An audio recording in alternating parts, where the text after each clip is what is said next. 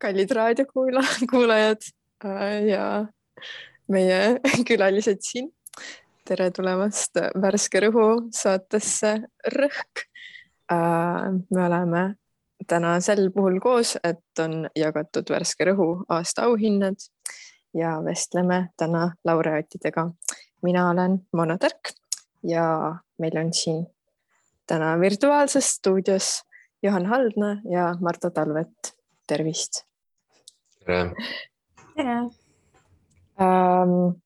Teiega vestleme siis põhjalikumalt, aga mainin veel enne, et lisaks teile on auhinna saanud siis luulekategoorias Sanna Kartau ja vabakategoorias Gregor Kulla.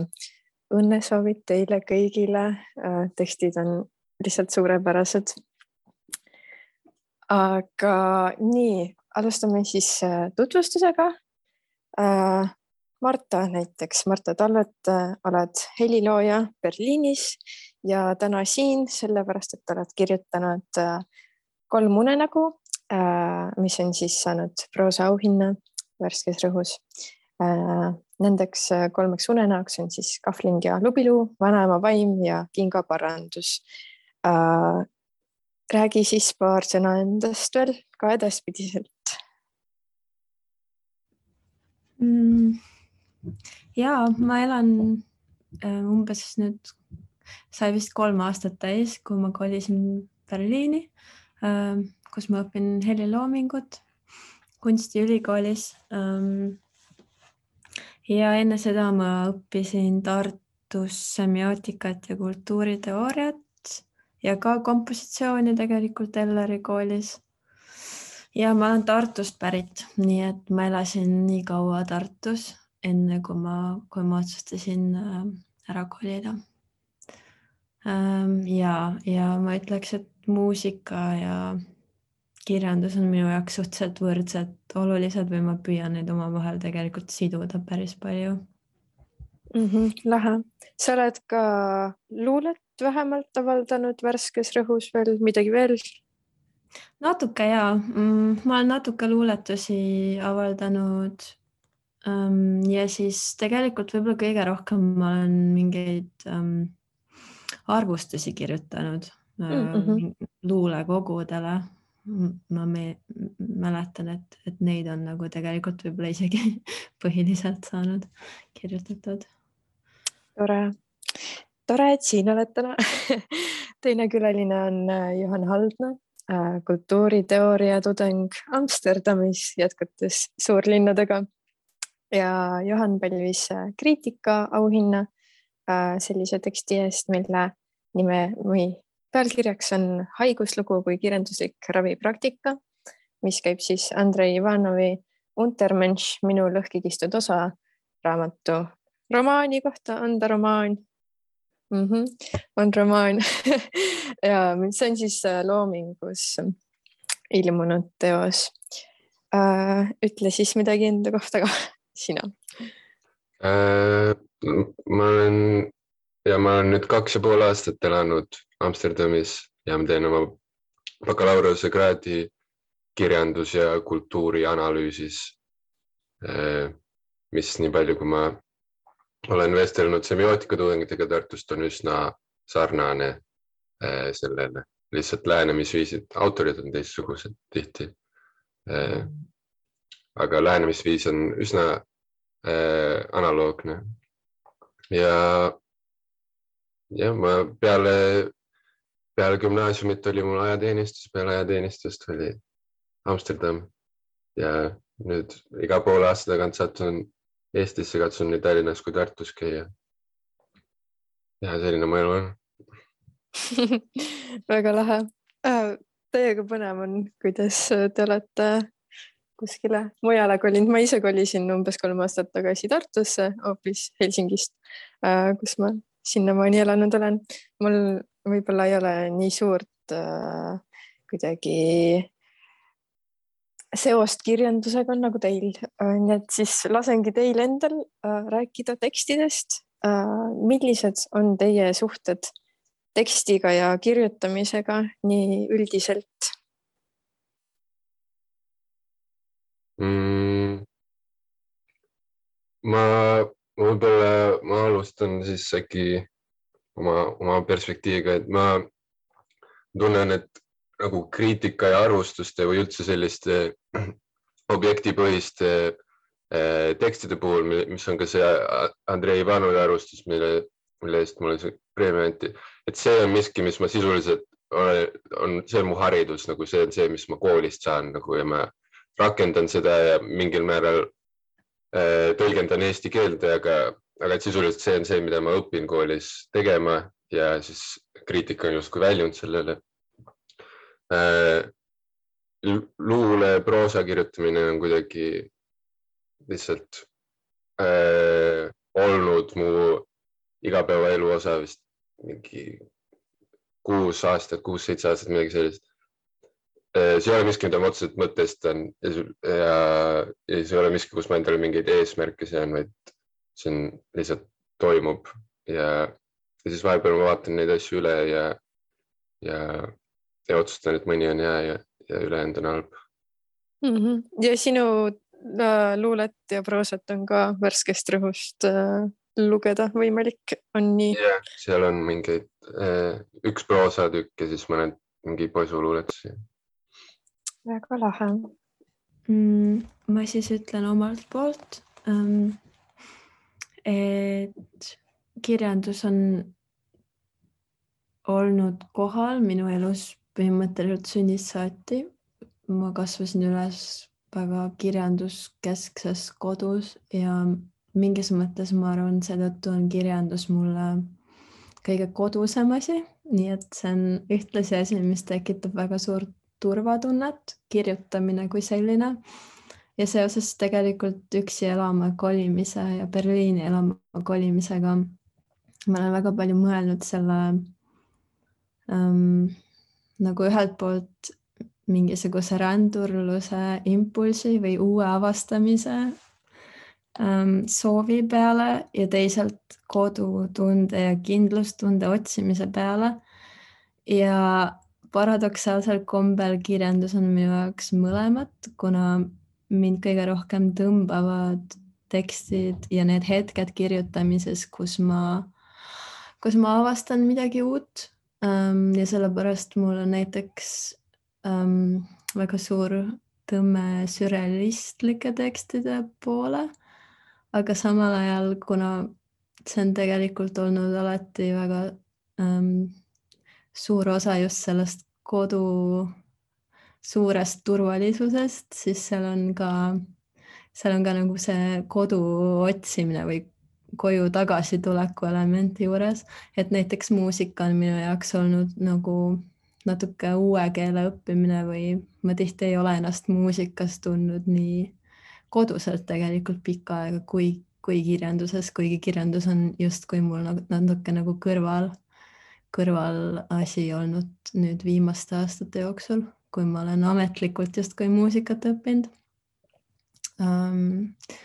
Aga jah, ma ei tea, ma, ma ei kirjuta tegelikult, ma ei ole viimasel ajal kirjutanud nagu mingisuguseid avaldatavaid tekste väga tihti, et ma kirjutan suhteliselt tihti mingisuguseid märkmeid ja mõtisklusi lihtsalt iseendale, aga ma ei tea, kuivõrd avaldamiskõlbulikud need on ja teisalt mulle on aina enam tegelikult saanudki suureks küsimuseks või nagu selliseks natuke nagu põhimõtteks see, et kas üldse peabki noh, avaldama nii palju või kõike, et vahel, kui lihtsalt isiklikult jagada kellegagi midagi, nagu tegelikult see käib ka muusika kohta, kui jagada kellegagi mingit laulu, see mingis väga erilises kontekstis kellelegi saata või samamoodi kui kirjutada kirju, et see on isegi, isegi kuidagi kuidagi sügavam kommunikatsioonivorm minu jaoks olnud, et ma ei mm -hmm. ole mhm. võib-olla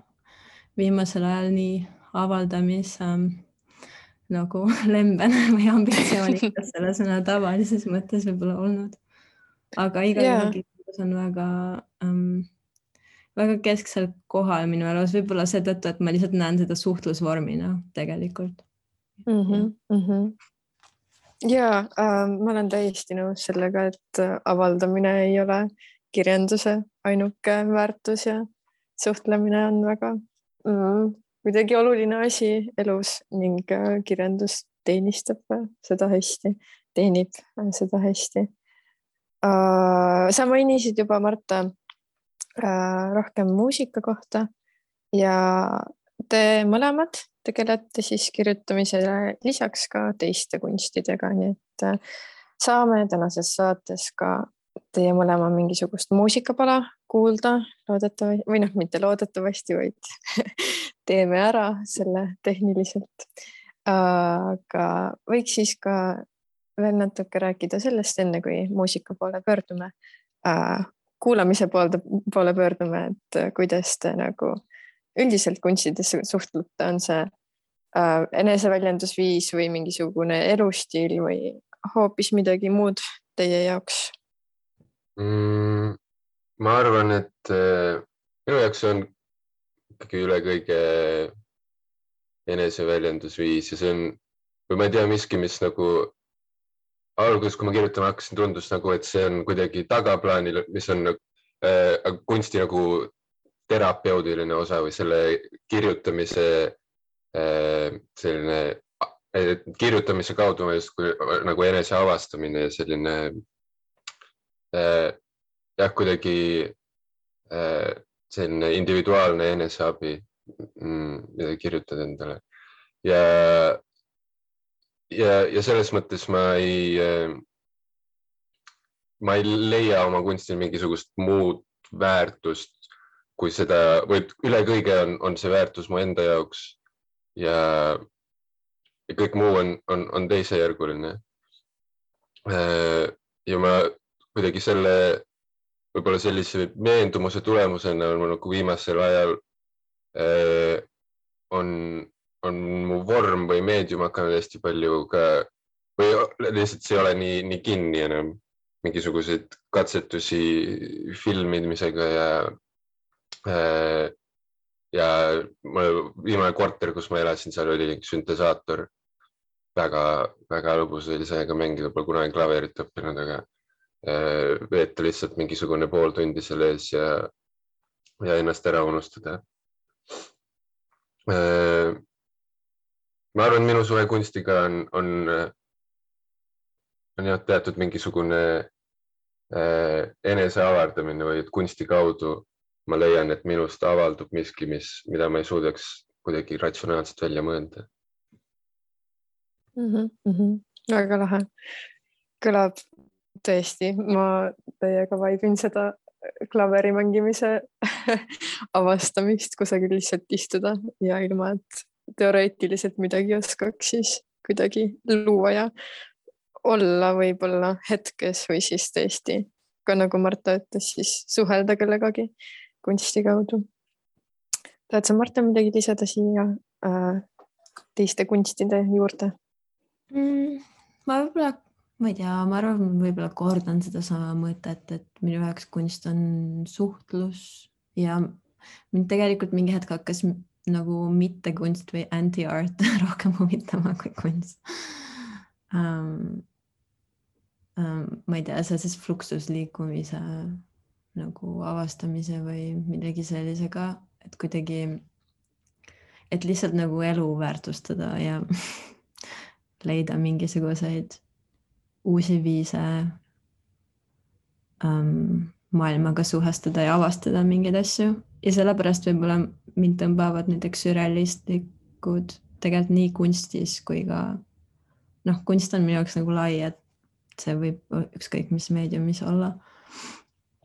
Aga sellepärast näiteks keeles mind samuti tõmbab see, et mul on tunne, et ma keel, avastan keele enda kohta midagi ja siis muusikas mind näiteks huvitavad need muusikateosed, kus ma avastan kuulamise enda kohta midagi, nii et mul on tunne, et mind huvitab võib-olla see kunst, mis on nagu teaduse ja kunsti piirimail, et nagu, et kus see eneseväljendus kohtub avastamisega, et mitte jääda mm, -hmm. mingisuguse... mida ma tunnen ja seda noh, et seda nagu väljendada, vaid pigem nagu hakata võib-olla väljendama, aga siis see muutub millekski muuks.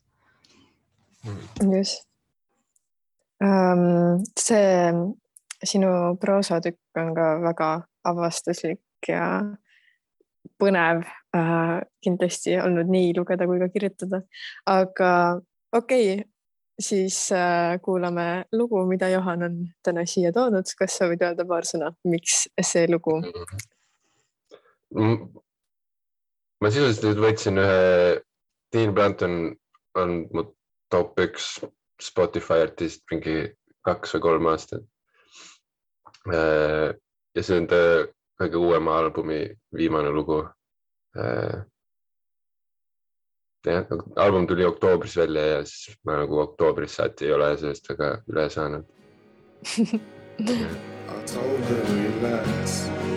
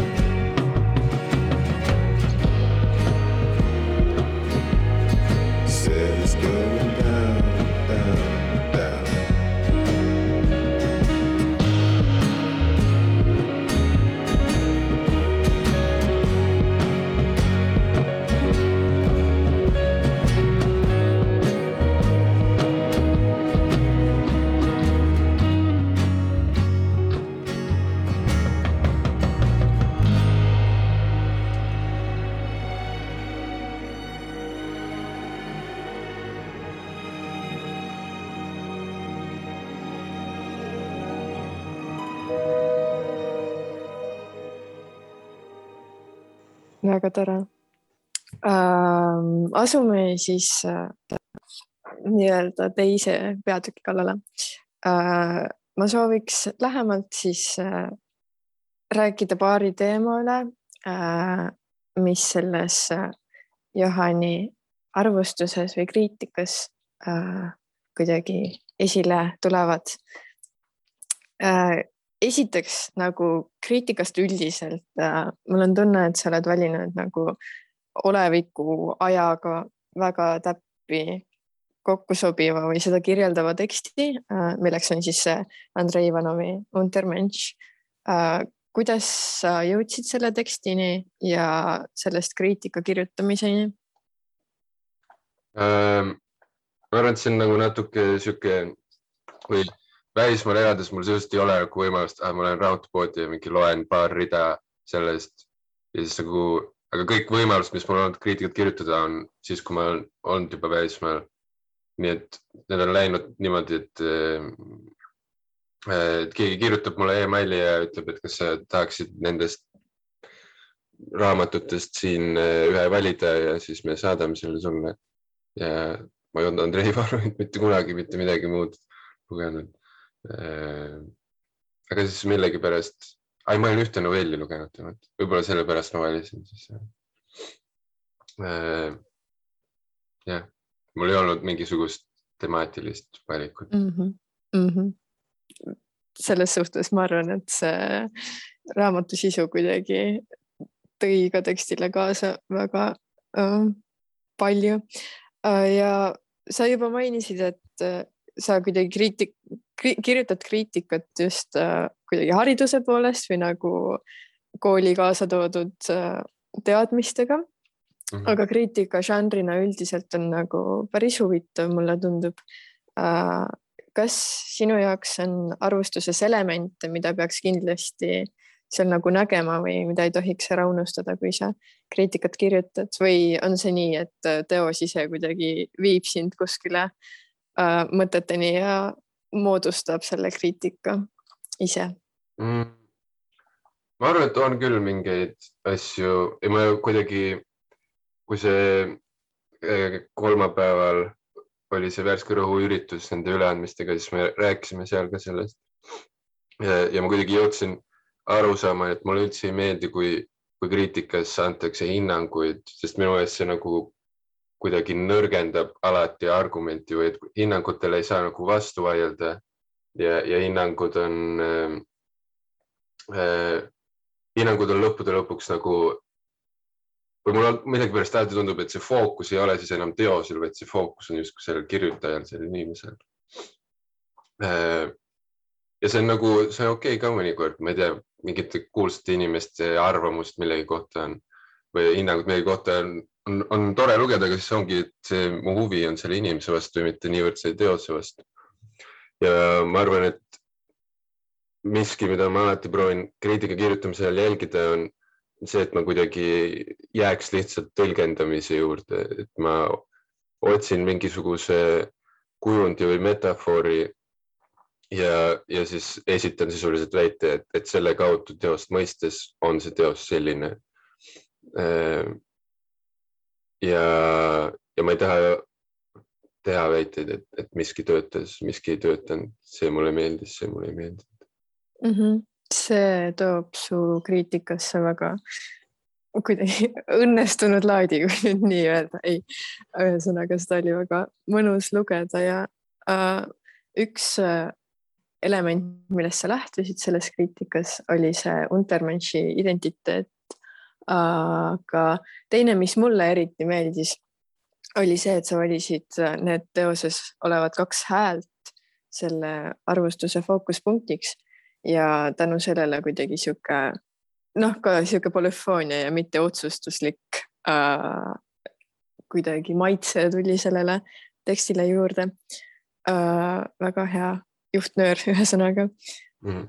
aga kui sa seda Untermenši selle kahe hääle kaudu lühidalt äh, tutvustaksid teosena, äh, siis äh, millised paar lauset valiksid äh...?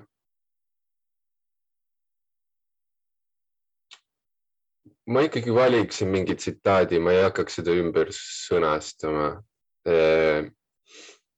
ja mul oli seal üks tsitaat, mille ma olin valinud, kus kus oli nagu, et, et no need kaks häält, üks on, üks on see kirjanik, kes, kes on endale tema sõnul või tsitaat pookinud külge haiguse, haiguse nimi on Untermensch.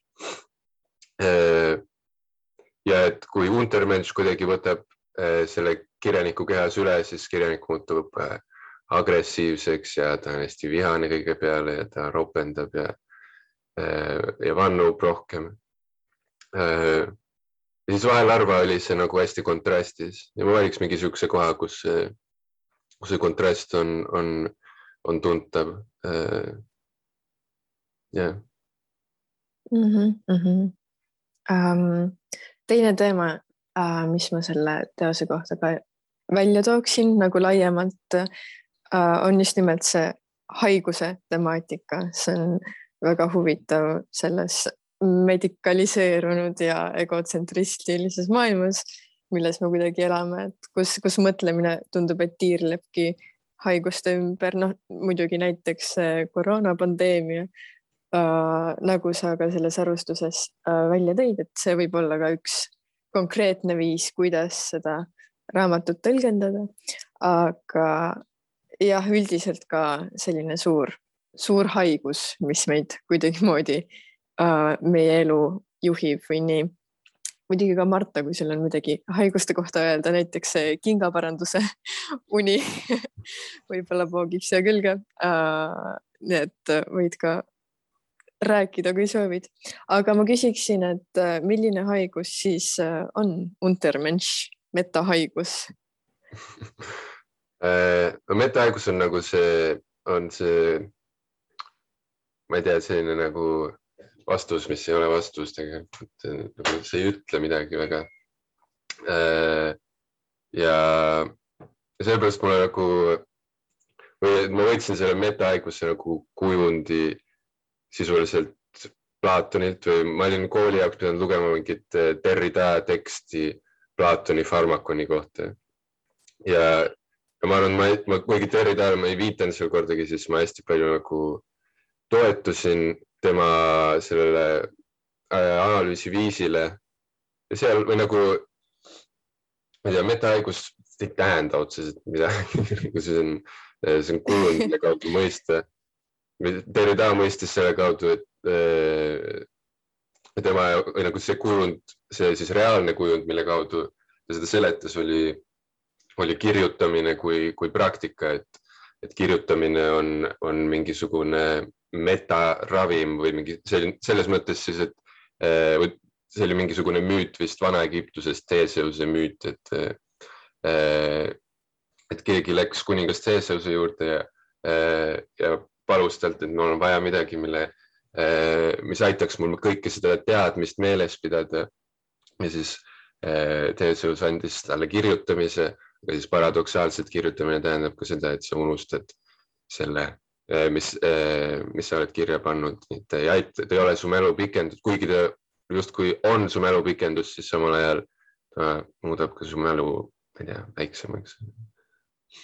-hmm. ja hästi lihtsustatud mm -hmm. Terry Tarti, kui Terry Tarti ei ole kerge lugeda peab lihtsalt Terry Ta on raske, aga väga lahe ka fänn on uh,. ja tekstis võib-olla just üks viis kuidagi meeldejäämist tekitada, on tekitada või kirjutada mingisuguseid kujundeid, välja tuua kujundeid, nagu sa ise ka ütlesid, et äh, see on sinu jaoks kuidagi väga hea viis, kuidas kriitikat teha. üks äh, mõjuv kujund, mis mul mind isegi kummitama hakkas, oli see nagu inimene kui tühi rohukapp, et äh, miks on rohukapp tühi, kas on siis noh, erinevaid variante, sellepärast et äh, tema haigus on ravimatu, nii et ravi ei ole, rohtusid ei ole.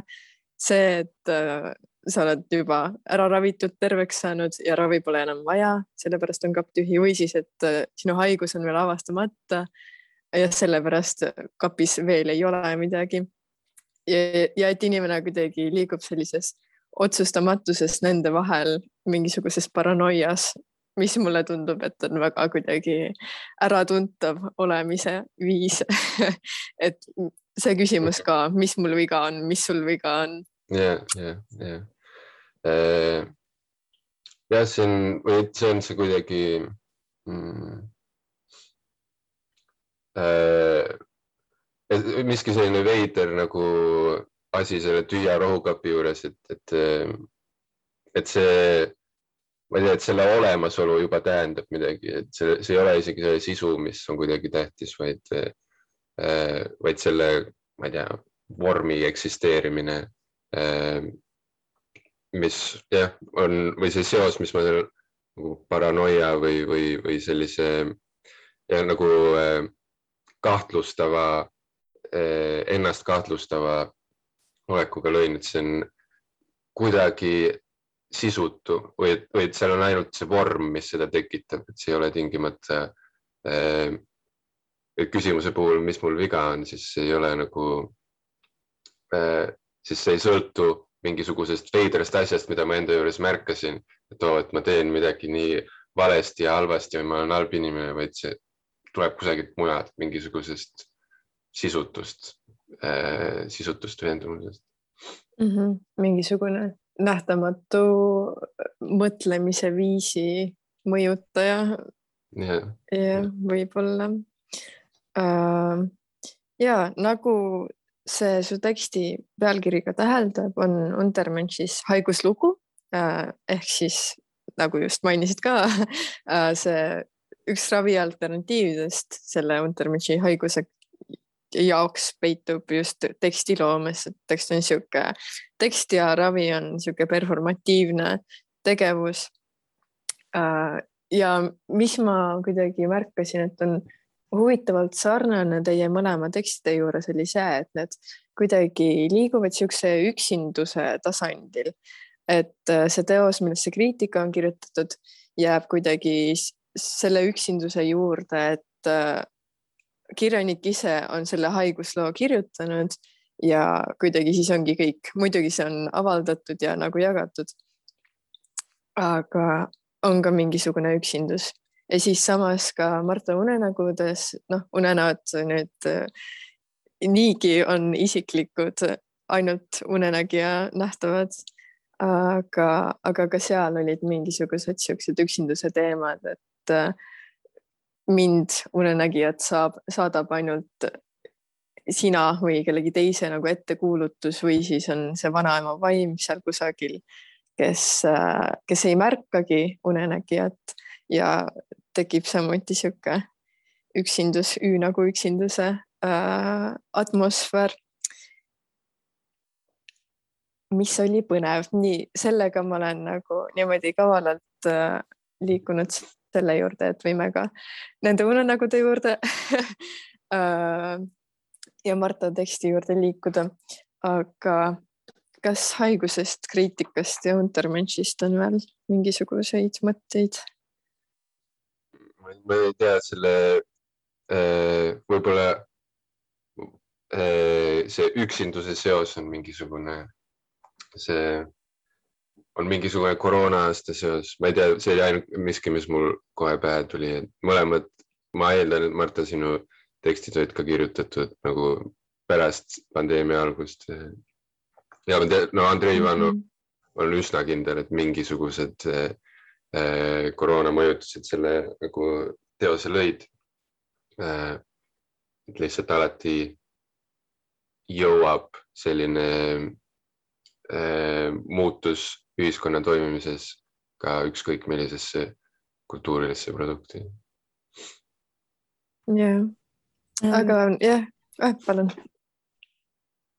Mm, ja ma tahtsin võib-olla äh, lisada, et mulle tekkis ka see seos või nagu seoses sellega ka, et te varem rääkisite ähm, sellest äh, kirjanduse teraapilisest rollist ja üleüldiselt mul on pandeemiaga seoses hakanud silma, et vähemalt Berliinis on nagu tekkinud mingi meeletu teraapia ähm, laine, epideemia. Ähm, ja mingis mõttes mul on tunne, et, et võib-olla see võiks resoneeruda ka selle uue viisiga, kuidas näha kriitikat äkki, et nagu mingisugune muutus hinnangute andmisest ähm, pigem mõista püüdmise, uurimise, kaardistamise, tõlgendamiseni, et see kuidagi, mul on tunne, et vähemalt paljud inimesed on mulle rääkinud oma ähm, kookoni kogemusest pandeemia ajal, mis on väga kontrastne sellega, kui palju toimub siis, kui on, on lahti kõik. et mul on tunne, et väga paljud inimesed on, on mingi suure enesereflektsiooni vahepeal läbi teinud ja võib-olla ainuke viis, kuidas sellest saab, okei okay,, mitte välja tulla, aga kuidas seda kannatada, ongi nagu see mittehinnanguline viis või vähemalt mingil määral sinnapoole püüda. ja ma, ma ei olnud, ei ole sellistest mõtetest otseselt ajendatud, mis mind nagu äh, või äh, ja no ma ei oska öelda, millal mul selline nagu muutus tekkis, sest milline kriitika mulle meeldib, aga, aga mulle äh, nagu viimasel ajal see on küllaltki nagu tugev arvamus ja, ja, ja ma alati mõtlen, et lihtsalt niimoodi on huvitavam. et nagu kui keegi esitab väite, milles ma võin kahelda ja mille, mida ma nagu, mida, mis on justkui nagu kutse selle ümberlükkamisele, siis siis lugemiskogemus muutub huvitavamaks ja samuti ka ja kirjutamine. Äh, ja, ja see justkui see mm, enesereflektsioon, mis sa mainisid äh,. ma ei äh,, ei, ma ei tea, mu mõte läheb kuhugi, läks kuhugi kinni, katki läks äh, reflekteerima ennast. ma olen ka nõus, et see muutus kriitikasse suhtumise või selle nagu olemise, olemuse suhtes on väga teretulnud ja tore ähm,. nii, aga siis järgmiseks äh, kuulaks Marta lugu. Võid sellest paar sõna öelda ja jagada? mõtlesin, et laseks hea meelega kevade alguse puhul Sunrad ähm, ja võib-olla mm, mõtlesin, mida valida äh,. Love in outer space, et mulle tegelikult meeldib temalt üks teine laul ka väga, mis on When there is no sun, aga mis on tumedam, aga ma mõtlesin, et kevade alguses võiks olla miski tore ja särav äh, ja kosmiline. Sunrise, love everlasting reaches out to a lover like me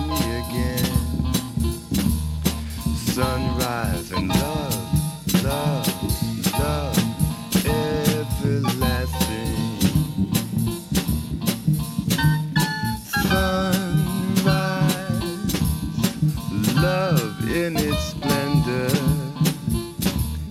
speaks to me in metaphysical harmony.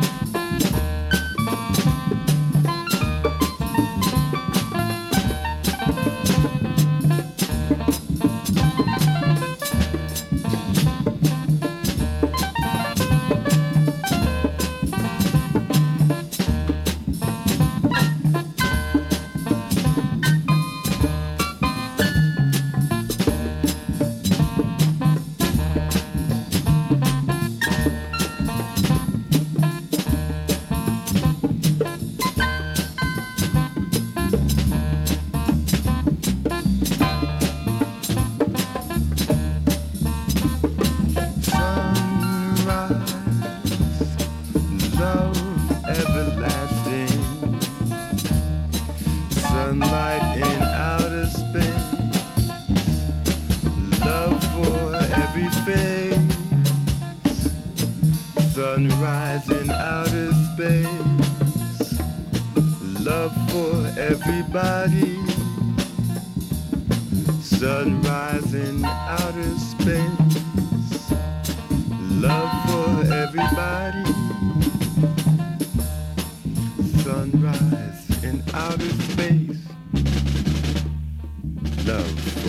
Everybody. lahe äh,. siis äh, kosmilisest säravusest äh, läheme edasi unenägude juurde um,. see unenägude teksti lugemine nagu ka Johani kriitika lugemine tekitas mulle palju-palju rõõmu äh,. erakordselt hea oli ja tundub, et äh, unenägude formaat pakub nagu tekstiloomeks väga palju võimalusi, aga et siiski ta on esmaselt nagu väljakutse, kuidas üldse kujutada unenägu. kui ma oma lemmikfilosoofiga name drop ida võin, siis äh, Maurice Merleau-Ponty, prantsuse fenomenoloog. ta on nagu rääkinud sellest, et me tahame teada, mida on näha und, mis see tähendab ja me küsime seda nagu unenägija käest. aga samas vastuse suudab anda ainult äh, ärkvelolija, aga ta, tema ei ole see unenägija, nii et see on niisugune suur väljakutse ja mingisugune võimatus võib-olla. aga Marta, kust see nagu mõte üldse tekkis ja mis on sind toonud selle unenägude teema juurde mm.? tegelikult, kui ma need novellid kirjutasin, siis ma algul ei mõelnud, et need oleks unenäod, vaid ma lihtsalt kirjutasin lood, mis oleks um, võimalikult täpselt kirjeldavad mingisuguseid tundeid ja märkamisi.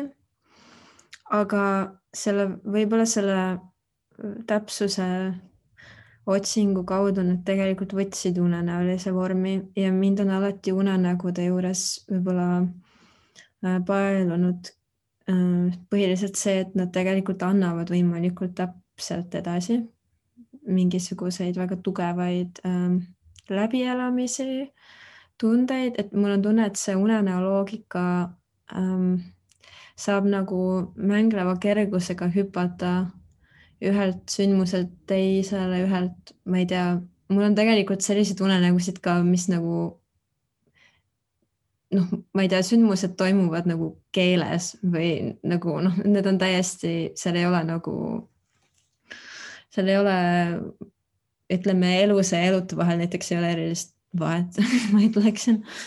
Mm.. Aga ja näiteks David Lynch'i filmides mulle meeldib see, et et kui sa nagu võtad ära selle surve hoida mingisugusest loogikast kinni, siis võib-olla saabki nagu lähemale mingitele olulisematele asjadele, et mul on tunne, et mingis mõttes elu minu jaoks ongi üsna, üsna unenäoline ja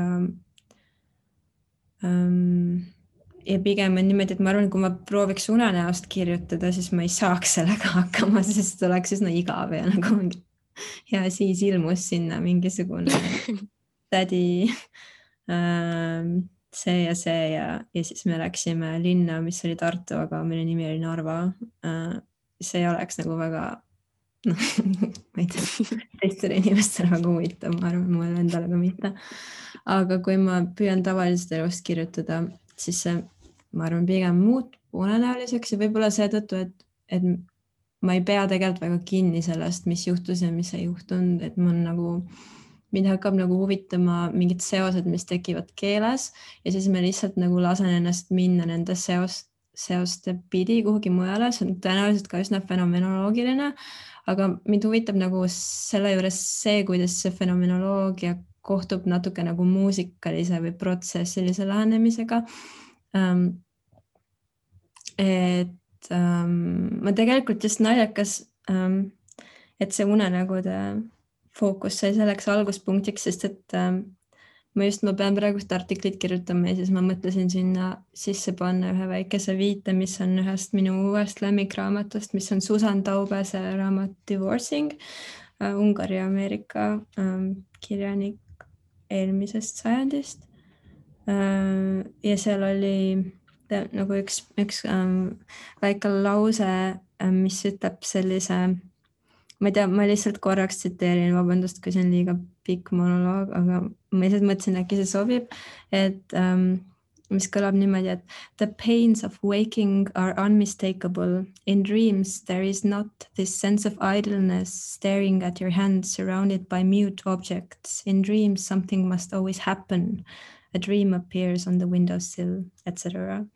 et midagi juhtub kogu aeg ja vahepeal elus hakkavad mingid asjad tunduma väga tuttavlikuna ja võib-olla igavana ja nagu paigalseisvana, aga unenägudes ei ole seda. Ja mind vist lihtsalt nagu huvitab väga mingi liikuvus ja kuidas seda nagu tekitada, kui muu seisab paigal ja võib-olla see ongi see mingi pandeemia aja sümptom ka, et üsna palju seisis paigal ja siis oli vaja seda Mhm. liikuvust nagu sellele kuidagimoodi ligi saada mm.. mm. -hmm. ma arvan, et see liikumine ja unenägude liikuvus sobib ka tekstiga väga hästi kokku, sellepärast et noh, eriti nendes sinu tekstides, kuna ma olen kuidagi nendes hetkel elanud nendes võidutekstides äh,, siis ongi kogu aeg selline just hüpped siia-sinna, täiesti ootamatud loogikad nagu unedele äh, ha- harjumuspäraselt ongi. Ja igasugused, jah, tõesti see liikumine ja lisaks need äh, avastused, millest sa varem rääkisid, et on niisugused assotsiatsioonid, mis äh, lugu edasi viivad ja on see atmosfäär, näiteks mingi suvine päevast küllastunud õhk, mis äh, väga hästi oli nagu kuidagi välja toodud või niimoodi tekstis edasi antud. ja igasugused kokkusulandumised, mähkumised ja, ja nagu sa märkisid ka see keele kuidagi mängleva ja musikaalse olemise väljatoomine, mis kõik äh, nendes tekstides leidub. mis äh, oled sa veel midagi avastanud tekstidest, muusikast või unenägudest või on sul mingi lemmikavastus äh,, mida need või nende tekstide kirjutamised on kaasa toonud? mm,? ma ei tea, ma võib-olla soovitaks ühte raamatut, mis ma hiljuti lugesin, mis on Anne Quinni uh, Passages, mis on mm, ka suhteliselt skisofreenilise vormiga, et tal on nagu ääremärkused ja um, ja nagu väga selline mingi detaili armastus, mingi obsessiivne kohati nagu um, mulle, ma ei tea, mul on tunne, et mulle hästi meeldib, kui on hästi meeleline tekst um,. ja võib-olla tekst muutub meeleliseks, noh, ongi siis, kui ta muutub nagu täiesti naeruväärselt täpseks või hakkab nagu mingeid võimatuid asju kirjeldama um, võib-olla see unenäolisest, ma ei tea, äkki see võõristus võib kohati sealt ka tekkida, sellepärast et noh, ma ei tea, võib-olla ei, tekst, eriti kirjalik tekst ei pruugi nagu tihti olla nii, nii ähm, lihalik et jah mm. -hmm, mm -hmm. samas nagu sa algul ütlesid ka, siis lisaks sellele võõristusele oli ka mingi sihuke kodune tunne, mis sellest, võib-olla ka sellest samast täpsusest kuidagi sünnib. ühesõnaga muljet avaldab loovus ja hästi-hästi põnev teema ja tekst. Veel üks asi, mis mulle täiega meeldis, oli see kuidas need äh, tekstitukid, novellid alati ärkamisega äh, lõpule jõudsid. Ja et äh, see ei olnud lihtsalt nii, et okei okay,, öö lõpeb, päev algab, ärkan üles ja on hommik, vaid et kuidagi sihuke mõnus võte, et tekst lõpeb sellega, et sa laiad end asjade keskel in medias res, aga mitte ei hakka pihta, nagu on tavaks äh,. paigutasin selle ärkamise temaatika niimoodi saate lõpupoole tuues mingisugust narratiivi äh,. ka Untermenši üks äh, see definitsioonidest, mis seal raamatus oli, oli, et Untermensch on öö. Kas äh, tunned, Juhan, et äh, see sinu kriitika kuidagi ka on tal midagi öelda unenägude või keele või väljenduse kohta?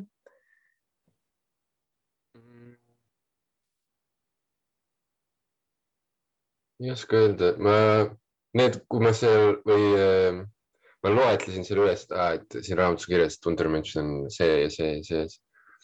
ja see on tegelikult nagu, et nagu, ma ei tea, see on mingi trikk, mis ma vist ma ei tea, kümne ajal õppisin see eesti keele eksamiks valmistudes, et kui sa, kui, kui ma ei saa aru, mida ta mõtleb selle nimega, siis ma lihtsalt tsiteerin ja siis on kõik korras.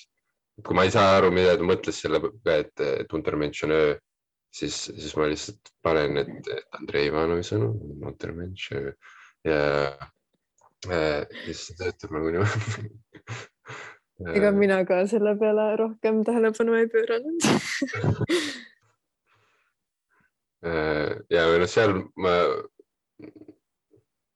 jah, nagu Untermenši nagu mingisugunegi äh, kindel identiteet on nagu võimatu kätte saada ja ma arvan, et see oli see mingisugune asi, millest ma lähtusin, et äh, kõik nimed on segamini ja alati, kui ta ütleb, et, et, et Untermensch on on see on või on miski teine, siis seal oli ka oli nimisõnu ja omadussõnu segamini ja, ja,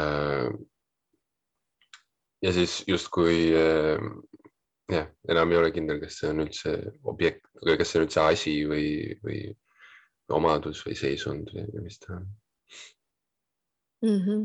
jõuame jälle mingisugusesse voolavusse, kuhu on alati hea välja jõuda. jah kas te sooviksite midagi öelda lõpuks, mida ei saa ütlemata jätta või võib-olla veel teineteisele küsimusi esitada? ma tahtsin öelda, et äh, minu arust see oli hästi ilus mõte, Marta, mis sa vahepeal ütlesid äh,. et äh, kuidagi koroona ajal äh, äh, on äh, on su pilk kuidagi äh, lihtsalt väiksemasse ruumi koondatud ja siis on justkui fookus nendel väiksematel muudatustel ja äh, detailidel. ja siis justkui nende muutuste jäädvustamine ja, ja, ja märkamine. sest ma olen kuidagi enda puhul midagi sarnast täheldanud. Äh, ma vahetasin kuidagi koroona ajal hästi äh, nagu tead, teadvustamata vahetasin arvutist kirjutamiselt paberil kirjutamisele. ma arvan, et see oli midagi sarnast lõpuks, et kuidagi üle selle, no mis ta ongi, kaks aastat siis, üle kahe aasta on, on, on see paberivorm ja, ja vihiku vorm, kuhu ma kirjutan, saanud üheks mu kõige olulisemaks osaks kirjutamisest ja see on just see ma arvan, justkui selline protsess, et kui mul ei olnud kuhugi minna ja, ja kuhugi väljast mingisuguseid asju näha ja, ja, ja impulsse saada, siis, eh, siis see, mille põhjal ma kunsti teen, pidi kuidagi muutuma lihtsalt kättesaadavamaks ja, ja paber ja, ja, ja äh, paberiga töötamine on kuidagi üks viis selle kättesaamiseks mm. -hmm. Pa paber on tegelikult nii huvitav, sest et see kirjutamise kiirus on ju teine et um, mulle meeldib ka sellepärast, ma ei kuulnud. et mulle meeldib ka see sellepärast, et nagu sunnitud aeglasemaks kuidagi. Mhm. valin rohkem sõnu, ma panin tähele. Mm. Ja ma luuleste on- puhul mulle hakkas meeldima, et ma lihtsalt äh, panen rea lõppu sinna, kus paber otsa saab ja siis järgmine rida. et need nagu nende reavahetused tulevad täiesti suvalised ja et ma ei saa neid nagu otsustada. aga Mhm. see on tore ja ma vahel tunnen, et tõesti internet on nagu liiga lõputu mitmes, mitmes mõttes. ma tegelikult mõtlesin selle peale mm, ka nagu seoses mingi sarjade vaatamisega mm,. kuigi ma ise tegelikult eriti ei vaata sarju, aga ma avastasin Twin Peaksi väga hilja, aga nagu eelmisel sügisel ja siis ma binge watch isin seda äh, põhimõtteliselt see esimene selline sõltuvus pärast Harry Potterit, kui ma olin nagu väike. ja siis ma mõtlesin selle peale, et see on tegelikult täiesti ebanormaalne, et vanasti inimesed ikka pidid ootama nagu, et kord nädalas tuli see hea saade. Ja nüüd on nagu piire ei ole. ja see on äh, nagu võib-olla mingi loominguliste võimalustega on samamoodi, tegelikult muusikas on ka natuke sarnane, ma kuulen kogu aeg inimesed kurdavad, kui neil on mingi arvuti elektroonilise muusika programm nagu Ableton, et võimalusi on liiga palju. Ja ma suhestun sellega selles mõttes, et mulle meeldib ka näiteks noh, lihtsalt nagu salvestada mingi ühe asjaga ja siis hakata nagu sellest midagi tegema. et um, um, see on kuidagi inimlikum, kui miski piirab. mm -hmm. Mhm. mõnus äh,. saame saate vaikselt äh, kokku tõmmata. aitäh toredate soovituste eest, laheda muusika ja hea vestluse eest. Kutsun kõiki raadiokuulajaid kindlasti üles kirju kirjutama, see oli väga armas ja hea mõte äh,, mida Marta välja tõi. Kuhu, kuhu te nüüd jätkate, kas äh, teete kunsti edasi, ikka teete, kõik teeme kunsti edasi. Mm, mul on üks artikli tähtaeg, millega ma olen suhteliselt hädas, aga homme ma üritan midagi toredat teha. edu siis. aitäh, mul ka aitäh artikli kutsumast. mul ka artikli tähtaeg, aga ma olen paukses. teisipäevaks pean ära saatma. aga no eks ta tuleb, kusagilt tuleb. see sellest äh, aeglasest mõnusat piir, mõnusast piiratud elus, elust peab, peab edasi ruttama. ja, suur aitäh teile. ja aitäh sulle. aitäh sulle ja tore vestlus. ja.